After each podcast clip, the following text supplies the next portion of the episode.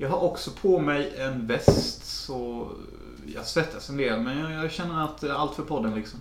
Nej, jag ljuger. Jag har på mig en uh, Highlander t-shirt. There can be only one represent. One Highlander movie that is. Vi kan inte börja så här.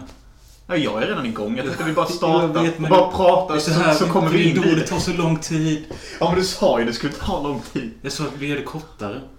Alltså det här inledningen måste vi ha kortare så att inte allting blir liksom several hours. Skitsamma. Ja, jag som inte Ja, så gött flow. Sorry. Ja, men vi har med det här också då. Det, det är det som gör podden. Det är det här som gör podden.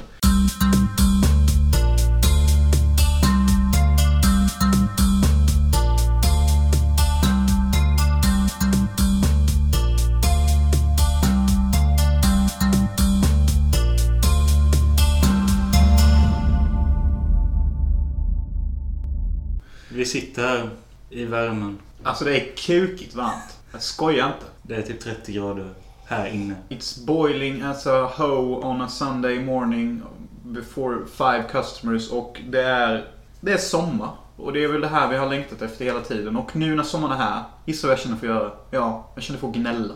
Jag känner för att gnälla på att det är för varmt. Det är ju rätt kul att eh, man gnäller ett halvår på att det är så jävla kallt och Ja. jävligt. Sen så kommer solen och då jävlar ska man gnälla på det. Ja. Det är för varmt. Ja, jag har känt för det hela dagen och hela dagen igår. För att så som jag bor så är min sol och gnider sig emot mitt rum. Jag bor bara i ett rum.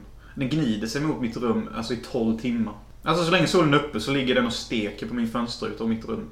Om ni undrar vad ni lyssnar på så är detta alltså Hansens, Hansen Möllers filmpodd. Med mig Robin Möller. Och mig, Gestapo Hansen. Vi har bytt stil. Vi körde svart och röda hakkors. Nu kör vi blå byxor och fin t-shirt. Men vad fan. Allt för den moderna tiden. Jag tror att du, du har lyckats på ja, tre avsnitt måla upp dig själv som nazist nu.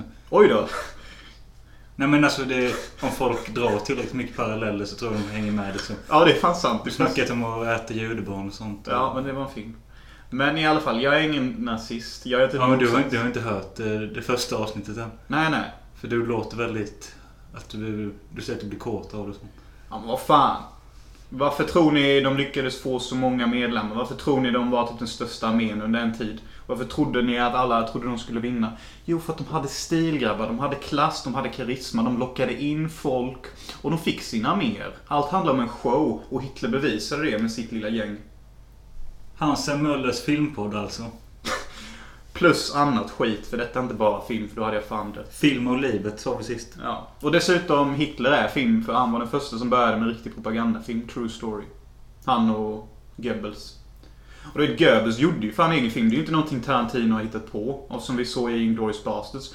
Förvisso så gjorde han ju inte den där sniperfilmen eh, med Fredrik Soller.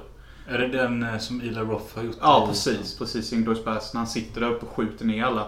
Det är faktiskt inte så långt ifrån sanningen. Han gjorde typ så här tre filmer, tror jag, under nazisttiden. Jag kommer ihåg den sista han gjorde. Och pff, jag kommer, den hette någonting eh, fall, Slaget vid Richmond Fall eller något sånt klassiskt. Och det handlade om eh, typ så här hundra muskötmän som höll ett fort. Och så kommer typ tusen fransmän och invaderar det fortet och tyskarna bara står där och bara pangar alla. Det är typ så här tusen statister. Det ser ut som Patriopen Deluxe eller någonting. Och allt är gjort under 1900, det är gjort 1945. Vilket betyder att Ryssland och USA och Britland står och knackar på utsidan av Berlin. Och mitt under allt det bestämmer sig Goebbels för att göra en långfilm med alla resurser Tyskland har. Välkommen till Hansen Möller, historiepodden. Ja, men det är sant. Den filmen är helt sjuk. Alltså det är som budget. Alltså det är alla soldater har på sig jättefina krigsuniformer. Ni vet de här blåa, skrikiga. Jag är en levande måltavla uniformer. Ni vet dem. Jag vet inte riktigt. men- Ja men du vet de här redcoats och liknande. 1800-tal, du vet så här. Ja, ja, är- ja, jag vet. Alla har en egen kostym. Guldknappar. Ja, guldknappar och fanor och trummor och muskötgevär längre än män själv. Ja, den är helt sjuk den filmen. Och jag fattar liksom inte hur Goebbels... Vad fick han alla statister till att börja med? Och hur fick han upp budgeten? Och var detta ett sätt bara att fly kriget för att han visste att han skulle dö inom en vecka? Och hur fan hann han göra det? Ja, det är så många frågor. Jag tycker det är helt sjukt. Ja. Men eh, du, verkar som att du har något värmeslag eller något. Du, Jag? ja. Som vi sa innan i podden så är det hur varmt som helst och det hjälper inte att vi sitter och dricker kaffe eller? det, det är inte så gott att dricka kaffe i värmen.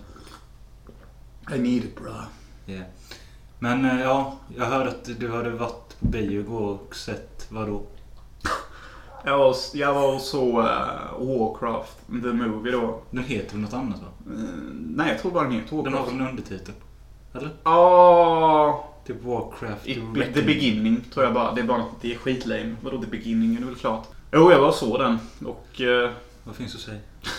ja, innan jag skulle gå dit så hela vägen ner från min lägenhet till biografen så var det ju geeks överallt i stan. Och de var inte så här utklädda till typ orker eller sånt, för det, det hade varit roligt. Utan de såg ut som typ vanliga människor, bara det att de var typ ultimate misfits. Alltså typ så här, det kunde vara så små grejer som gjorde att man förstod att de var misfits. Typ, de kunde inte klä sig. De kanske var lite överviktiga. Och någon hade gula tänder utav helvete. är du säker på att detta var sådana som skulle se Ja, filmen? ja, för allt de pratade om bara... Så bara, ja men detta kommer inte vara The Frozen Throne då, utan detta kommer ju vara liksom at the beginning. Ah, fan vad gött. Kommer ni ihåg när man spelade 96? Wow! Det var sån snack hela tiden. Och så typ bara... Och sen när jag kom in i biografen så står det några framför mig. Där är han Gultand och han bara... Ja, Jag vet inte fan vad han snackar om, men han bara... Guldan, hoppas han är med och sånt. Och jag bara... Doomhammer kommer vara med och slå sin yxa och det kommer vara så coolt. Sa du det? Nej, de sa det. Och jag bara, vilka är det här? Alltså, bring back the frozen throne, typ. The Lich King. The Lich King for win, liksom. Alltså jag och min relation till Warcraft är ju noll. Mm. Jag vet, alltså, jag, alltså jag vet ju vad det är men det lär slut. Ja. Jag spelade ju en sommar World of Warcraft och fastnade verkligen för det. Det är liksom väldigt mysigt med hela den här världen och så. Vilket tar mig till när jag satt och såg filmen. Jag förväntade mig att detta skulle vara skit, alltså till 100%. Alltså jag trodde aldrig filmen skulle ge mig någonting förutom skratt. På grund av hur kass den var. Eller var. Men den var inte det. Det var det som var det sjuka. Eh, öppningsscenen är hur cool som helst. Vi har liksom, okej. det är skitlamt för det är någon jävla huvudork. Och han ser bara ut som en brun fläck i mina ögon. Jag tror jag har något problem. Så jag bara, har det är någon brun fläck här som pratar. Och så är hans fula orkfru gravid och de har någon slags gullig eh, min mage kommer snart spruta ut en unge-dialog. Och jag bara, vad fan? Vad fan? Men sen, sen kommer äntligen en snubb som ser seriös ut. Han har krokig rygg, han har någon jävla cape och han går runt med någon jävla pinne och man fattar att han är någon magiker. Han ställer sig upp på världens största jävla scen och har typ 10 000 orks framför mig. Framför sig. Framför sig. Och han bara For the Horde, open the gate. The fell magic will poison everyone. Och jag bara Fuck my balls, this is some epic nostalgia shit. För det var precis så jag kommer ihåg cutscenesen från Warcraft Frozen Throne och de grejerna. Det är så här skittungt. Vet du, vi har någon karaktär som säger larger than life ord. Och man är liksom bara såld. Alltså det är inte så här typ att det är unikt. Typ, för det är det inte någonstans. Det är orker. Eh, det är inte unikt. Det är trollkarlar som säger tunga grejer. Vi har sett det förut. Men Blizzard har en viss så här tung, episk känsla till sig. Och den var väldigt närvarande under den öppningsscenen. Alltså är detta likt typ Sagan om ringen och liknande? Nej, verkligen inte. Alltså, jag skulle inte påstå att det är likt någonstans. Förutom att vi har orker och alver och människor som har lite problem med varandra. Men liksom... Är det en sån här jävla tre timmars film här? Nej, nej, den var bara två timmar. Men det var ändå lite problem med filmen. För efter det här öppningsscenen kom... Men detta är någonting som är en grund för som, vad som kommer bli en franchise. Jag hoppas det. För att eh, liksom, vi får inte se några nattalver eller undead. Och liksom... Ja, för mig är inte Warcraft samma sak. Om vi inte har med Night Elves och Undead. De är, jag tycker de är hur tunga som helst. Och jag saknade dem verkligen under hela filmen. Det gjorde jag. Men sen liksom efter den öppningsscenen. Alltså, okej. Då hände inte så mycket nytt. Om man säger så. Det, det var alla gamla såna här trötta filmklyschor. Du vet, någon äldre magiker som har visdomsord. Eh, någon tight brud som ska stå upp för sig själv hela jävla tiden. För det är det ju alla kvinnor gör nu. jag, har för mig att jag läste uh, casten. Antingen var det på IMDB eller filmtipset. Men jag tror inte jag kände igen ett namn. Nej. Varför? Jag trodde det Det var inga kända med. Är inte detta typ ett made projekt? Alltså jag kommer ihåg att jag har hört om detta i tio år. ja, komma det har vi hört också. Vi har hört om detta i tio år. Och när det annonsades, då var det ju hype kring detta. Då, liksom, då var det ju kul för World of Warcraft var nytt och sånt. Och alla spelade fortfarande då strategispelen som jag inte tror någon stackars jävel gör längre. Vilket är synd, för de var bra. Eh, så liksom, det, jag, jag har en teori varför jag tror det har tagit så lång tid med. Det är att denna filmen kändes faktiskt väldigt modern. För det var väldigt så här Typ eh, orkerna hade väldigt så här många inbördesproblem med sig själva. För den här Gul'dan då som var ledaren. Han hade ju någon magi som ger liv men den kunde ta liv också. Det var det är den typen av magi. Så då var det ju någon huvudork där som började inse att Alltså vår ledare dödar allt jävla land vi kommer till. Vi måste döda honom. Så det var både inbördeskrig och så här Typ lite som vi människor lever hela tiden. Vi åker till en plats, äter upp alla resurser och går vidare till nästa.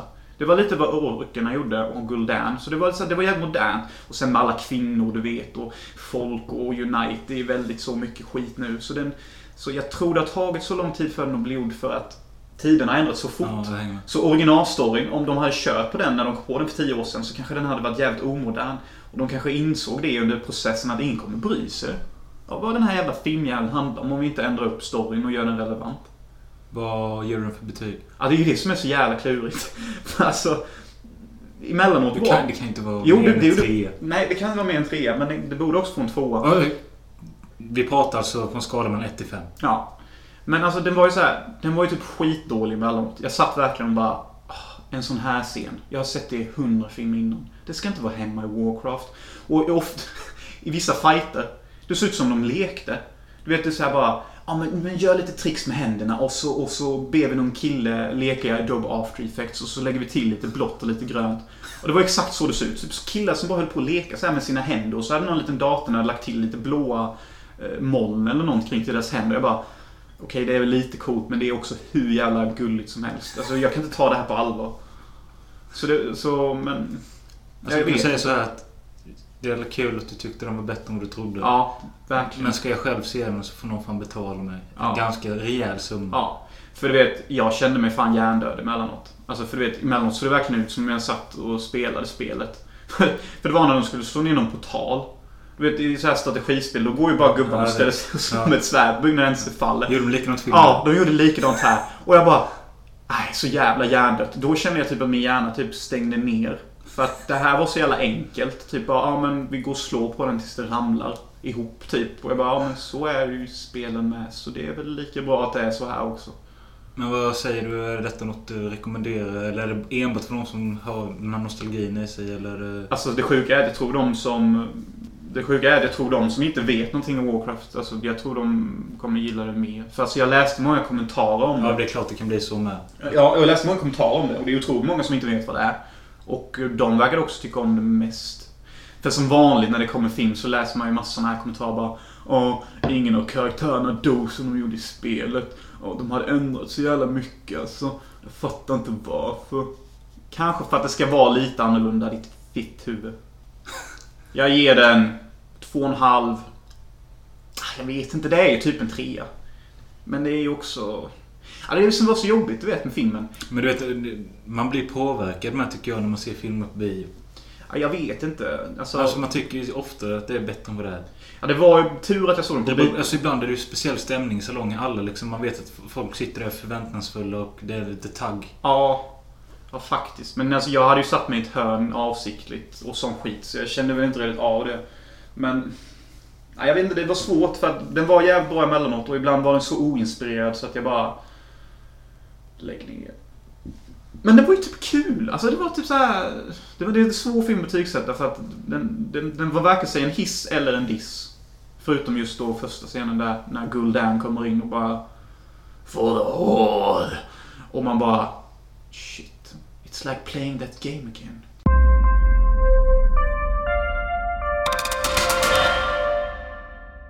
Då drar vi igång med veckans tema som är slashers. Skitbra. Kan du berätta vad en slasher är för de som inte vet? Okej. You take a psycho fucking killer. You give him a Kan du göra det på mask. svenska? Okej. Du tar en psykopatisk motherfucking mördare. Ger honom en mask eller deformerar hans face. Sen har du honom, eller henne. Finns det någon henne? Skitsamma. Han går runt och mördar typ alla ungdomar, de märker ingenting. Och sen i slutet så märker någon söt och snygg och oskyldig tjej att alla har blivit mördare. Och så blir det någon runaway fight med henne och mördaren. Oftast. Och det är slasher. Hon överlever och blir en final girl. Yes. Ja, oftast så är fester och ibland knarkar ungdomarna och sen ligger de och ligger man så dör man. Mm. I alla fall, vi tänkte gå igenom några av de största filmerna i genren och även några små sen på slutet. It's gonna be a flow rider. Tåls att tilläggas med att ofta har de här psykopatiska mördarna... Mör, mödrarna? Mördarna. Varit med om någonting i barndomen. Det kan vara i princip vad som helst. Men de må ha varit med om något hemskt.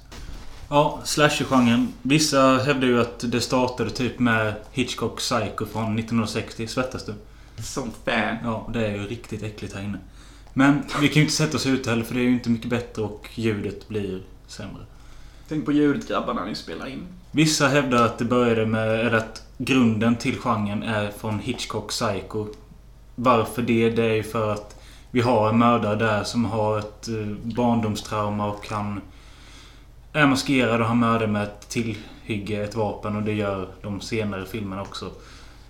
Eh, en annan eh, film som bidrog till genren var ju Peeping Tom från också 1960. En brittisk film. Vi följer mördare som filmar sina offer och allting. När han mördar folk så är det från hans point of view.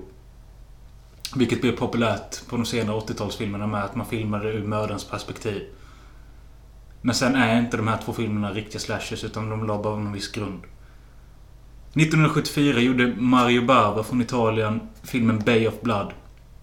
Även känd som miljoner andra titlar jag inte kommer ihåg. Ja. Som också räknas som en pre-slasher fast den kanske är lite mer åt giallo-hållet. Jag skulle nog nästan säga att den är mer åt slasher-hållet för... Alltså när jag såg den filmen. Alltså, det, det är så mycket mer en slasher än vad det är en giallo. För det verkar inte vara några direkt som undersöker mördaren och... Jag tycker inte den har några tydliga giallo-element. Det påminner nästan om en italiensk version av Fredag den 13 del 2. Vilket också är lite kul eftersom Fredag den 13 del 2 som vi kommer nämna sen har snott ett mord rakt av från den här filmen då från 74. Mm. Det är the double kill in the bed. Spear through his back, through her body, down on the floor. Alltså ett spjut genom två personer som ligger med varandra. Double kill. Means double points. Nej! Mario Bavas film kom från 1971, alltså of Blood. 1974 i USA gjordes filmen Black Christmas. Den räknas också enligt många att vara den första riktiga slasherfilmen. Det är intressant. Om vi nu antar och går med på att det är den första riktiga slashfilmen. Då är det ju faktiskt en ganska jävla bra slasherfilm. För Men alltså om vi ska ta bort... Psycho är ingen slasher säger vi. Ja, jag tycker inte det. För att det är så jävla uppenbart att han är mördaren. Och jag har alltid tyckt att det var en grej med slasher-grej att eh, man inte ser mördaren per se. Alltså, vi kan veta vem mördaren är genom viss backstory och anta. Men jag tycker liksom att det blir inte slasher när man introducerar mördaren så öppet. För han sitter ju där, Norman Bates, och bara typ bara... what you... Men, men man vet ju inte att det är han. Alltså det är meningen att man inte ska fatta att det är han.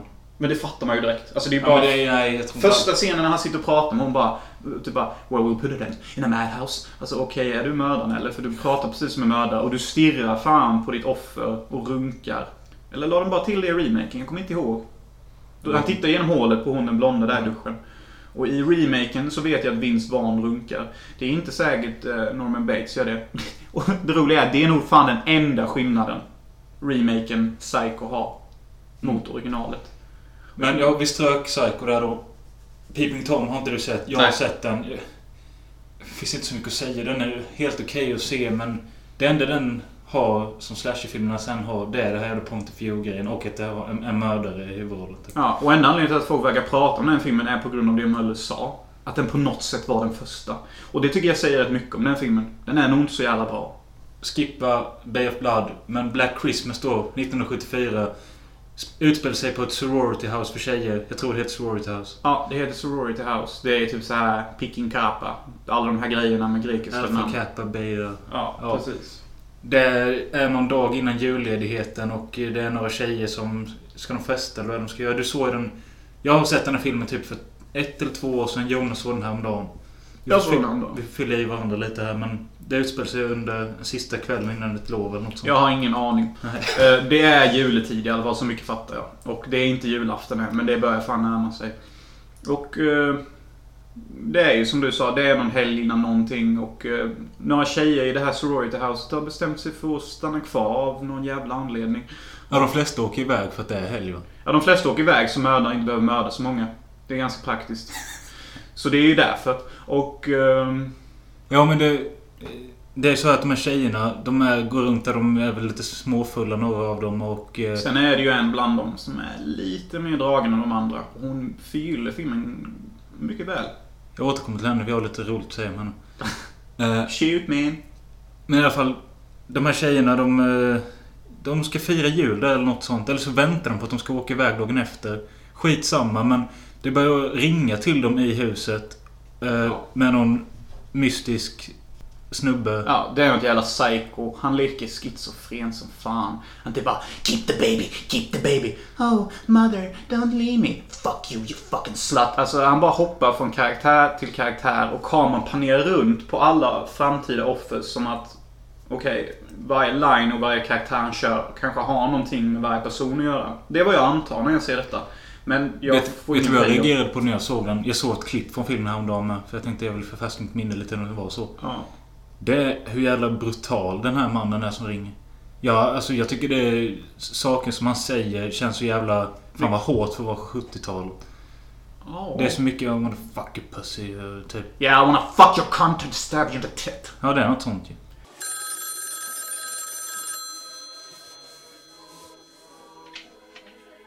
Hello? Hello? Let me lick it. Lick it. Let me lick your pretty piggy cunt.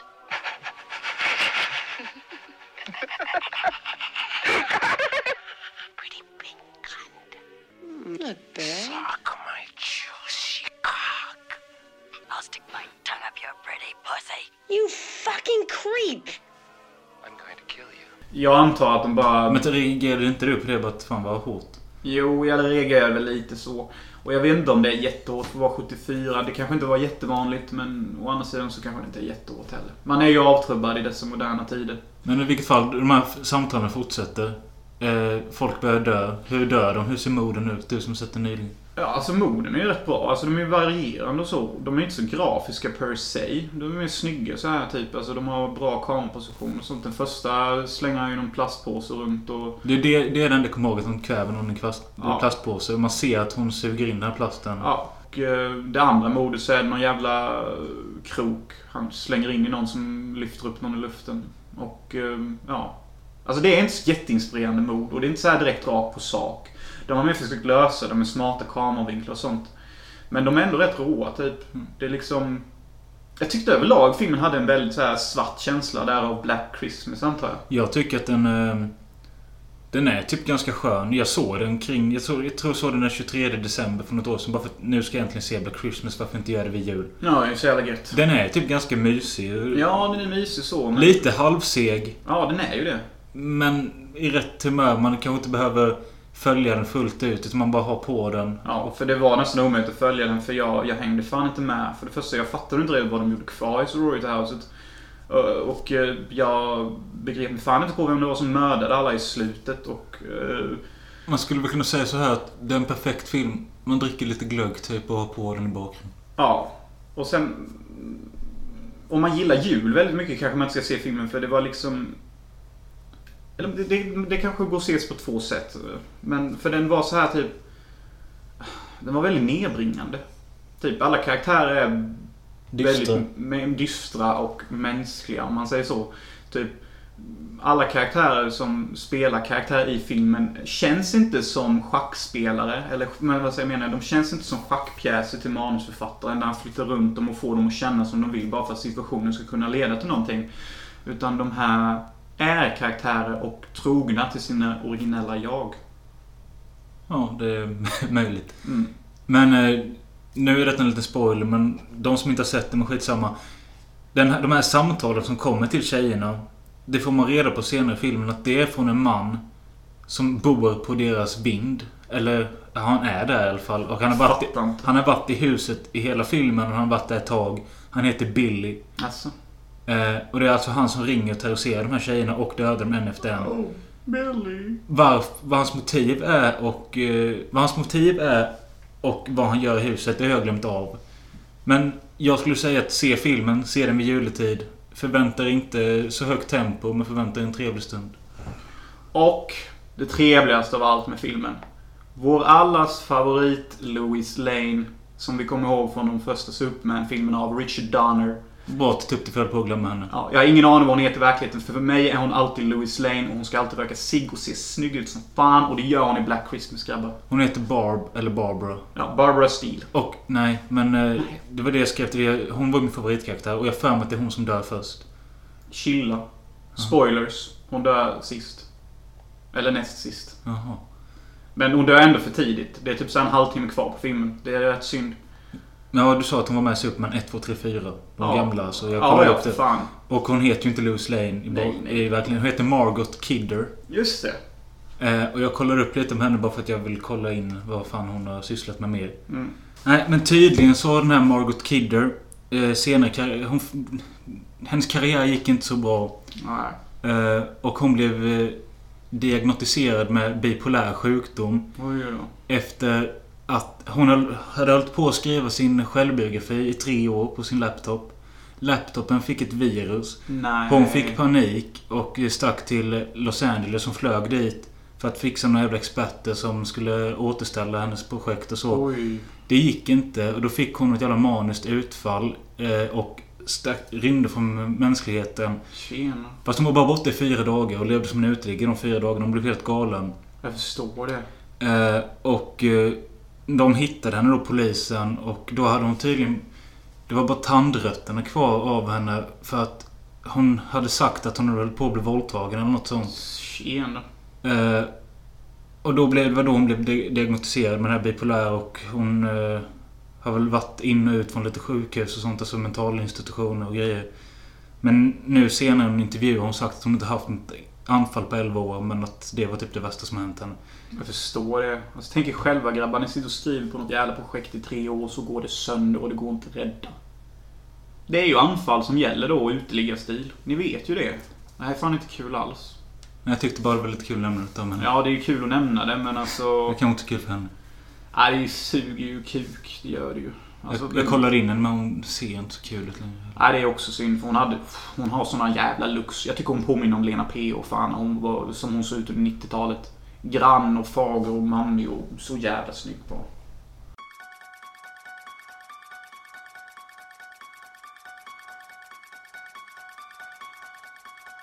Efter Black Christmas, det som nu kommer är någonting Jonas inte alls gillar. Jag gillade när jag var yngre, men tycker det är rätt tråkigt nu.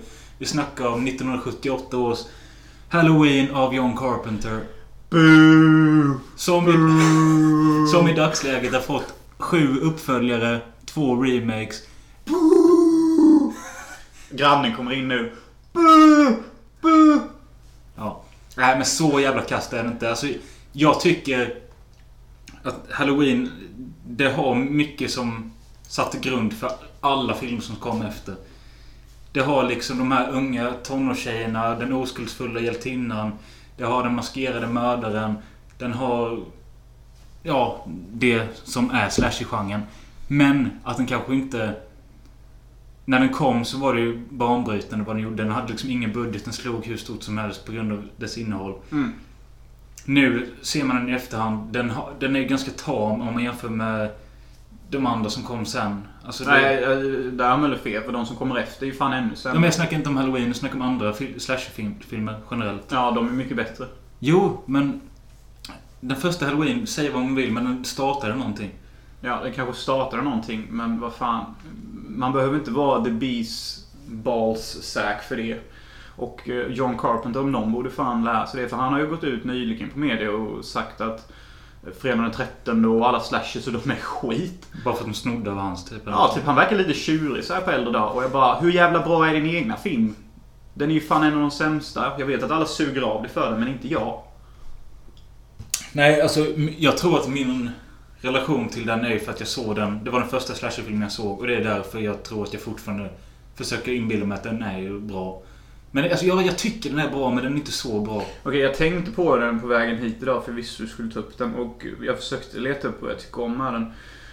Det enda jag kan säga egentligen som är bra, det är att den är satt eh, liksom i ett mindre samhälle så. Och det utspelar sig hemma bland folk. Där är den lite smart. För det gör typ inga andra slashers. Det är alltid ute i någon skog eller någon lägenhet eller vad fan som helst. Det var kul att du tog upp det för jag har mina tre favoritsaker med Halloween. Wow. Geek alert.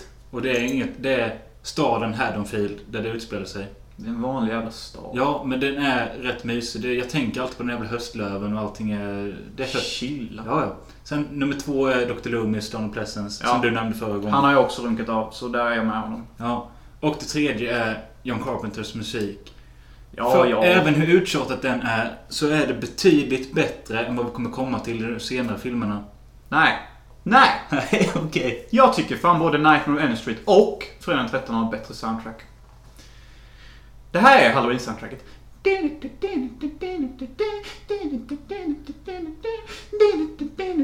Jaha, so fucking what?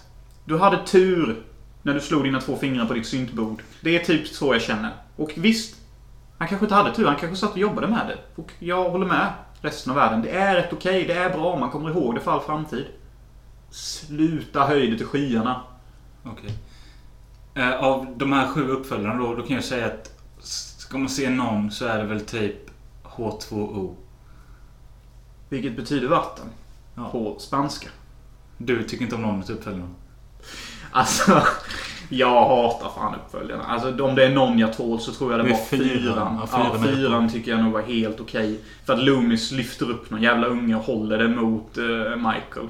Och jag bara okej, Loomis has lost his mind. Du har, har du sett någon av remakesen? Nej, men det gör jag inte bara. Nej. Jag klarar det är inte Rob Zombie som ligger bakom dem. Ja, och hans jävla stil. Alltså... Alltså, är kameramannen hög eller har Tourettes eller någonting? Nej, men det jag kan säga Jag har ju sett den första, jag har inte sett den andra. Men det var ju kul det här att han ville göra lite nytt. Att göra, köra liksom första timmen om Michael Myers barndom. Ja, kudos. Och det är väl det som gör det lite intressant. Men sen när det själv liksom börjar bli Halloween-remake. Då är det så jävla tråkigt alltså. Ja, Eh, det är ju Rob Zombie. Liksom. Eh, däremot, jag vet inte om det första remaken eller andra. Men det är kul att han återanvänder Daniel Harris som spelar den lilla flickan Jamie i 4, 5 och 6. Det är alltså hon, eh, den unga tjejen. Som han lyfter upp. Hon är ju typ 25 här i eh, Halloween-remaken fast hon spelar typ ja, 18. She got the body to prove it. Ja, men Daniel Harris överlag, hon är ju lite av- Hon är ju en indieskräckgudinna nu i USA. Hon är med i hur mycket skräck som helst. Hon är, jag gillar I'm henne. officially turned on. Ja, bra. Unofficially Sista, gre- sista grejen om Halloween. Det är nu klart att det kommer en ny Halloween-film 2017. Det har snackats om det i många år, men nu är det klart. Regissören blir Mike Flanagan som har gjort filmen Oculus, som jag inte sett. Jag Och jag har, jag har sett lite av Oculus och... Eh, vi kan väl säga så här, det finns bättre julgranar att köpa. Ja. Han har även gjort den nya lilla Netflix-hitten Hush. Som handlar om någon jävla dövstum kvinna eller något i en stuga som blir terroriserad av en mördare eller något sånt. Jag har inte sett den här men den verkar skittråkig. Hush, hush. Ja, det där var en referens till LA Confidential. Men, Var det? ja. Se, det är jag grabbar. Jag har sett så mycket film så det bara spyr ut mig. Jag är inte ens medveten om vilka filmer jag ens refererar till. Men nu gick i alla fall John Carpenter ut med, med att han ska... är gammal. Han och är- han kan inte få upp den längre. Nej, och just därför ska han producera den nya Halloween och lägga sig i lite. Ja, och hoppas på att det kan ge honom det efterlängtade ståndet. Mm. Han är även ute på turné men han spelar upp alla sina gamla soundtrack. Kostar 5 dollar att suga av honom, men han får inte upp den ändå. Jason, Mother is talking to you! Jason, Mother is talking to you. Två år efter Halloweens succé så kom det vi nu kommer prata om. Som är alltså... Jason! Nej, jag skojar. Fredag den 13 del 1. Ja, His name was Jason. And he was supposed to be alive today. And the guardians were supposed to be watching him. But they were having intercourse. And now I must slay everyone forever. det där var en mix av någonting från första Fredag den 13 filmen och någonting annat. Yes. Ja, men vad säger man Fredag den 13 då? Den första då, tänker jag. Den första. Det som kommer direkt till mind. Det är ju... Det, det tåls att säga, den är gjord av Sean S. Cunningham som... Jag, Jag tycker inte det tåls att säga, för ingen vet vem han är. Det är bara nördar som vet det namnet. jo, men alltså det är, han är känd för denna filmen. Känd. Ja, men... Känd bland nördar. Ja, ja. Skitsamma, men...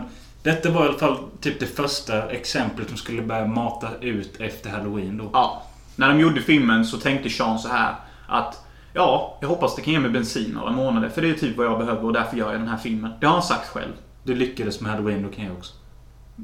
Ja, om John Carpenter får berätta den historien så hade han ju sagt det. Men... eh, Ja. Och han kunde inte ana. Det blev ju världens fucking hit. Alltså vissa människor sprang ut biopubliken och allting och sånt bajs. Men eh, okej, Fredag 13, vad är vi då? Vi är Camp Crystal Lake. Det är grönt. Det är en... Det är en liksom... Det Det är är en, ett sommarkollo för ungdomar. ja, och det är en sjö och skit och det är hur mysigt som helst. Och det första och bästa som jag tycker finns att nämna om filmen det är ju fan Kevin Bacons eh, mordscen. Det är enda gången jag tycker Kevin Bacon någonsin har varit bra. Förlåt mig Kevin Bacon men du fastnar inte för mig. Han ligger alltså i en säng och får en pil. Körd genom halsen. Och det bara sipprar blod utav helvete. Och det som gör det här roligt är att när de gjorde den här mordscenen så rann allt blod tillbaka på han som sprutade upp blod genom halsen så han var helt täckt av blod sen efter scenen var klar. Det är Tom Savini som står Ja. för effekten. Tom Savini bara Alltså jag blåste utav helvete typ men allt bara rann tillbaka. Jag var helt dränkt fan. Det är ju skitkul. Ja, i alla fall första Fredag 13-filmen, det är en klassisk skräckfilm och... Eh, många tror ju att säger man Fredag 13 då är Jason med i filmen. Han är inte riktigt med. Han är med som barn.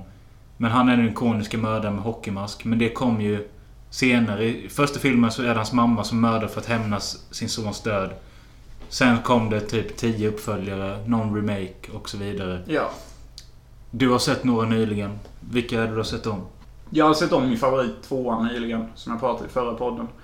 Och sen såg jag faktiskt om fredag den 13 del 8. Del 8 är alltså Jason Takes Manhattan. Ja. Det utspelar sig på en båt. Ja, och se- senare i New York. Och jag tycker fan den var oväntat bra. Alltså jag minns den som ganska mycket skit. Men sen så slog det mig att det här är ju skitbra ju.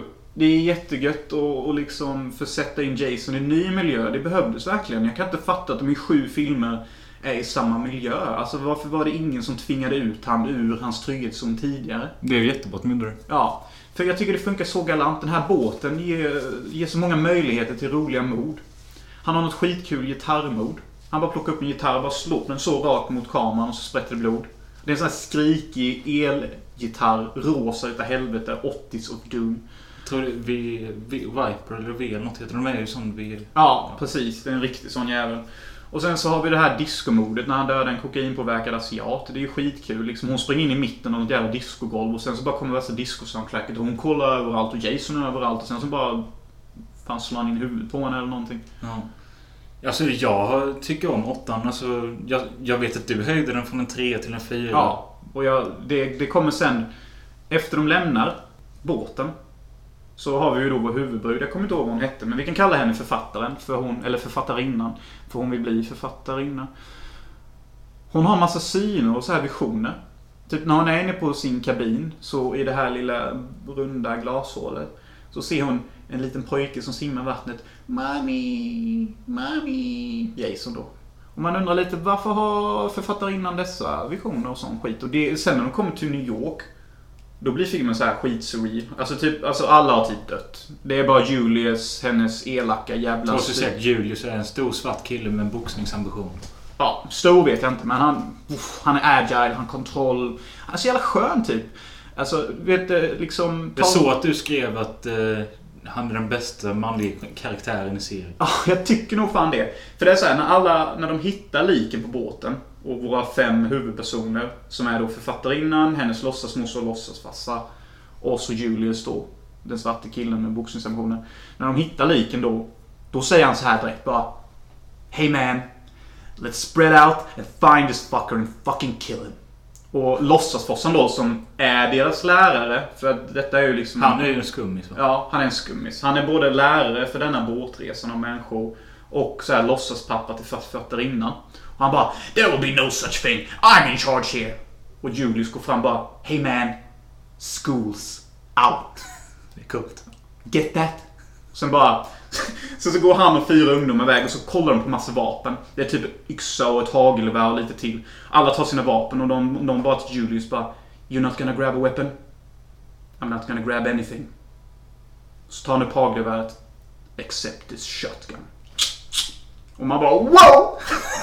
Han är så game. Så game! Fast han lyckas inte med någonting. Han blir nedkastad i vattnet så fort han möter Jason. Nej, de slår väl av hans huvud va? Ja, men det är sen i New York. Jaha. Alltså han möter Jason båten men Ja. eh, han failar stenhårt och blir nedkastad i sjön. För han, ja, han försöker nita Jason med sina fister. Ja, det är så jävla kul. Jag tycker det är så jävla grymt alltså. Vi kommer dit strax grabbar. Hang on. Ja, de tar i alla fall den här jävla båtjäveln till New York och det är här det börjar flippa ur.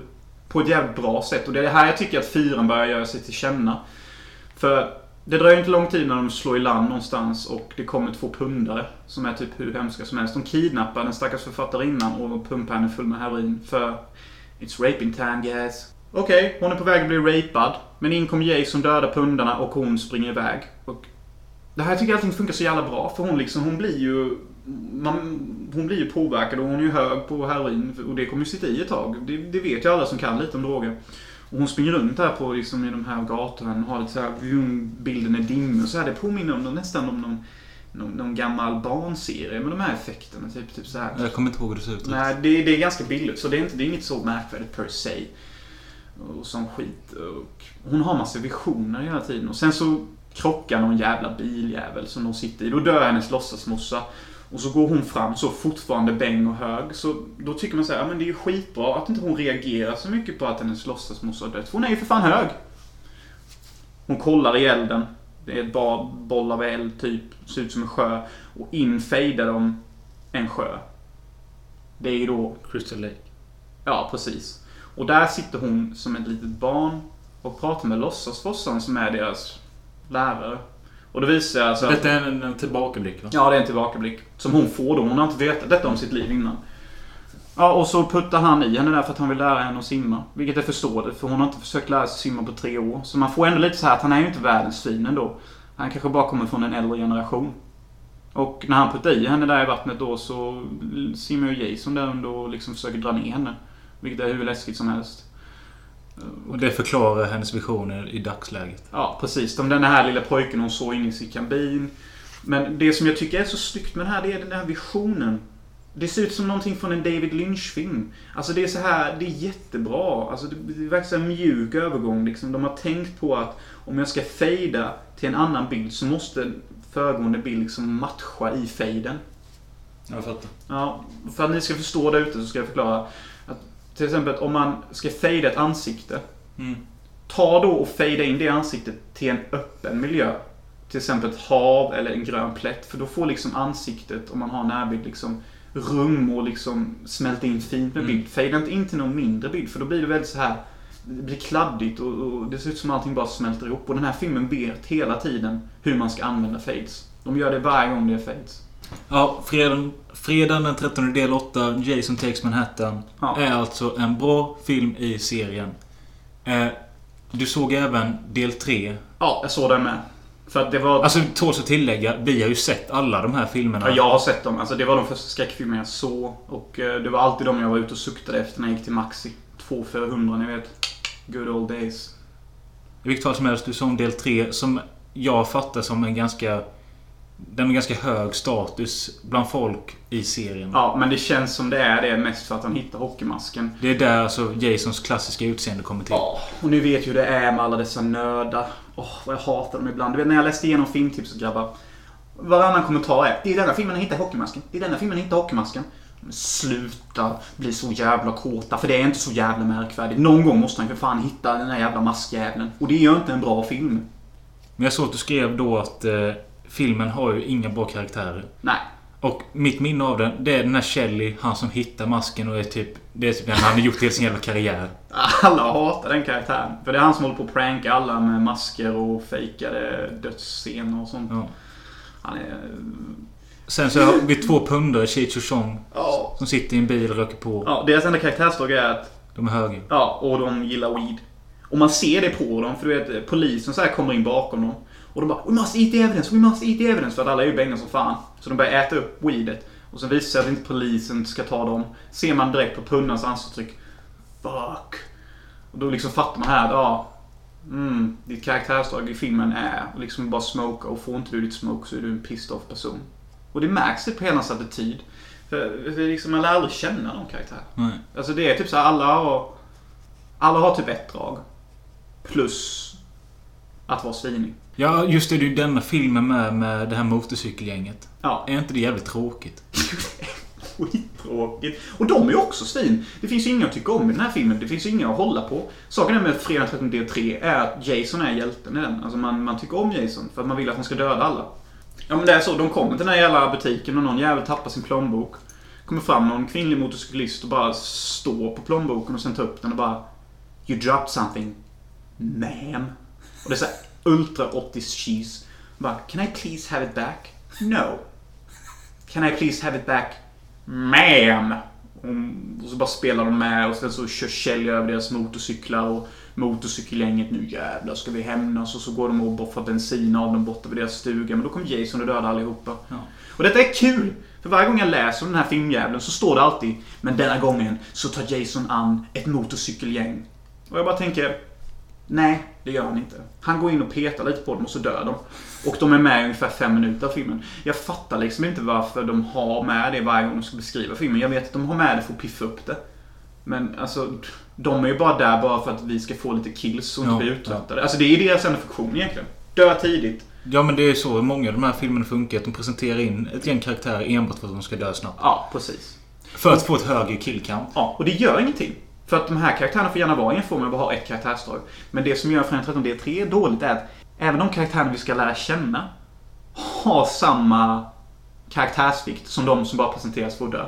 Ja, jag fattar. Liksom, alltså, det enda jag kan säga om karaktären i Fredag 13 D3 är att han är kåt. Han vill bara ligga med henne. Hon är bara rädd. Hon ska bara vara snygg och ödmjuk. Han är ett svin och han är ett svin och de två är idioter. Det är ungefär så lätta karaktärerna är. Och när jag satt och kollade på filmen och de pratade med varandra så försökte jag ändå få in en god känsla som man ändå får med de här filmerna för att alla verkar vänner och så. Det är så här skön, verklig känsla typ. Det är lite så här lättsamt, gött snack. Men jag tycker inte trean har något av det. Jag skulle kunna säga att den går att se, men det finns bättre i serien. Till exempel del 4, som jag tänker att vi behöver inte prata om den mer så att den är av minnet bättre. Ja, minnet så är ju Men du ville göra någonting med del 4 sa du?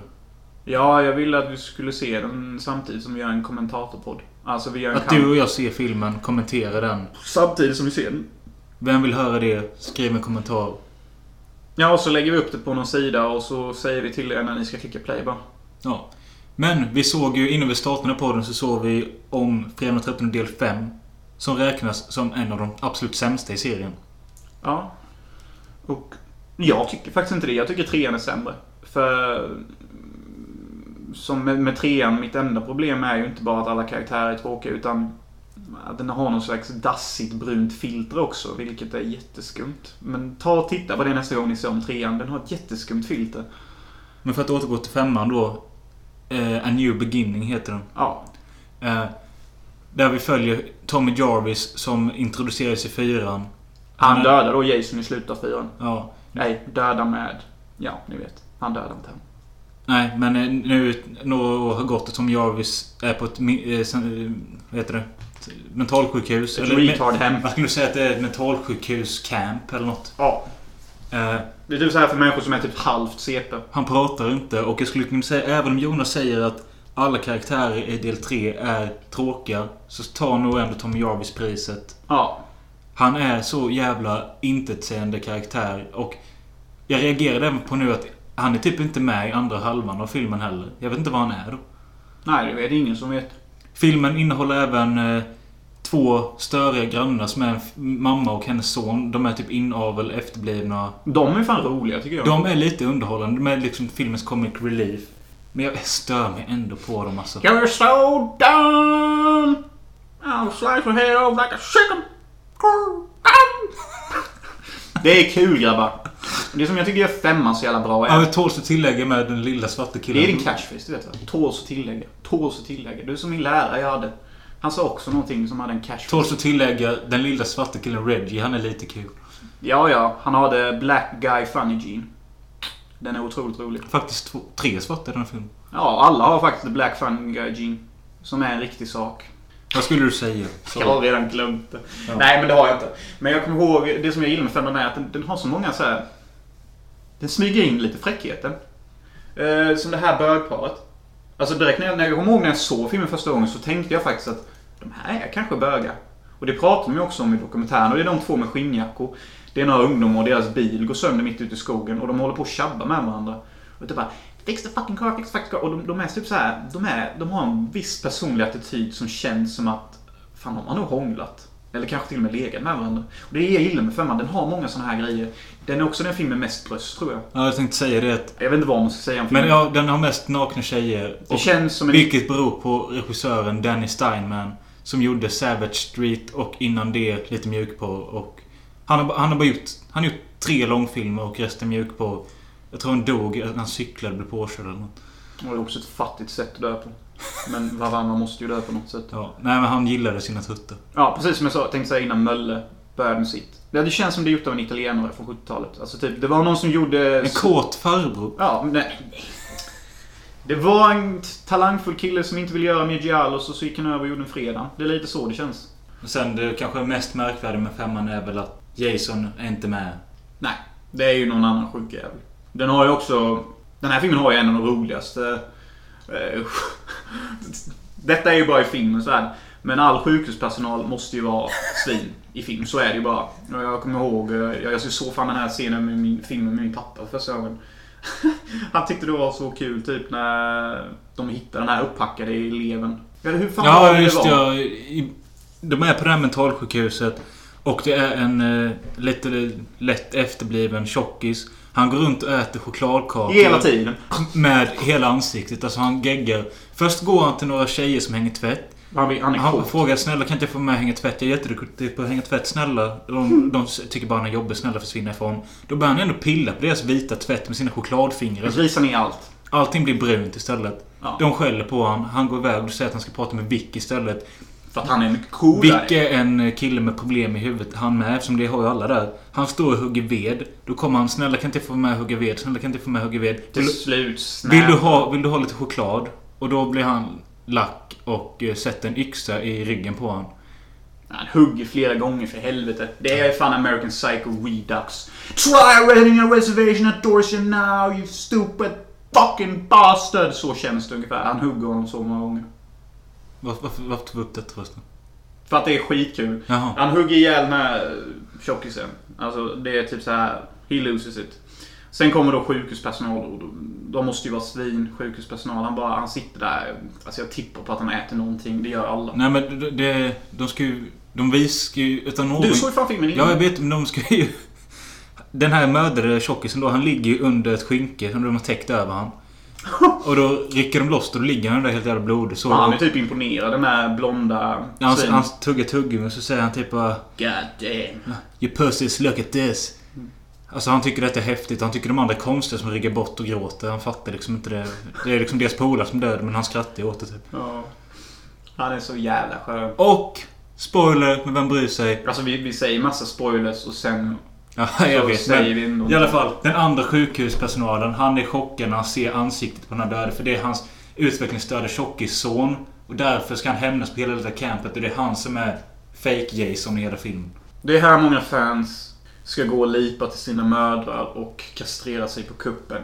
För det är ju inte Jason. Det är ju inte Jason. Det är ungefär samma sak som när jag läser de här jävla fredag den 13 del 3-kommentarerna. Han hittar hatten, eller han hittar masken. Fy fan vad coolt! Här har de samma problem, de här jävla nördarna. För att det inte är Jason som springer runt och mördar, trots att han ser lika fucking dan ut. Alltså du vet, vi kan inte hålla på och klanka ner på nördar. Vi är rätt nördiga själva. Ja, vi är nördar, men vi har fan heder och vi vet vad som är bra och dåligt och vi låter inte oss luras av några jävla gimmicks som masker och skit. Slutligen om fredag den 13 kan jag säga att... Eh, eller jag kan säga så här. Det finns ett gäng som är sevärda. Ett annat gäng som är mindre bra. Avgör, avgör själv vilka. Det är det sjukt. Den sjukaste filmen i världen höll jag på att säga. Det är ju fan Jason Goes to Hell. Jag har sett den rullen en gång och jag kommer nog fan aldrig se den igen för den är... Sinnessjuk. Jag tycker den är sinnessjuk. Jag tycker det är nog den kanske den skummaste filmjävel jag sett. För den har också något sånt där dassigt, brunt, men också svart filter. Den är så jävla rälig. Det är något svart hjärta som tar över folk och det är så mycket blod. Och allt, Allting spårar ut. Ja, allting spår ut. Alltså, det är så mycket död och slafs i den filmen. Och blodet är typ inte rött. Det är typ svart. Alltså, det är typ lera som, som flyger ur människorna. Och det, det, hela den filmen är askum. Det är någon svart jägare som bara If you must kill Jason, you must kill its soul and penetrate its heart. And I'm wearing this fake hat to prove my point. Alltså det är så jävla B. Men det som är skitkul med filmen är att i slutet så, efter Jason är död igen, så kommer Freddys hand upp och tar masken, bla bla bla. Alla kommer, yay, nu kommer det bli en Freddy vs Jason. Ja. Men jag skulle säga det kom en remake med 2009 eller 2011. Undvik den likt pest. Men Yes. nu är det ju klart. Det, kom, det blev klart för några dagar sedan att likadant som i Halloween. Att det kommer en fredag den 13. Den 17 januari. Nej vad fan säger jag? Fredagen den 13 januari 2017. Oh my god guys. Vem som har gjort den kommer jag inte ihåg och det är lite skitsamma. Men det som är klart, eller det spekuleras om det i alla fall. Det är att vi ska få träffa Jasons pappa. Jag är inte kort på den. Eh, Jasons mamma ska vara med. Detta ska liksom vara både en slags prequel till hela serien och en sequel eller något sånt. Och den ska introducera, ja då, Jasons farsa och morsa igen.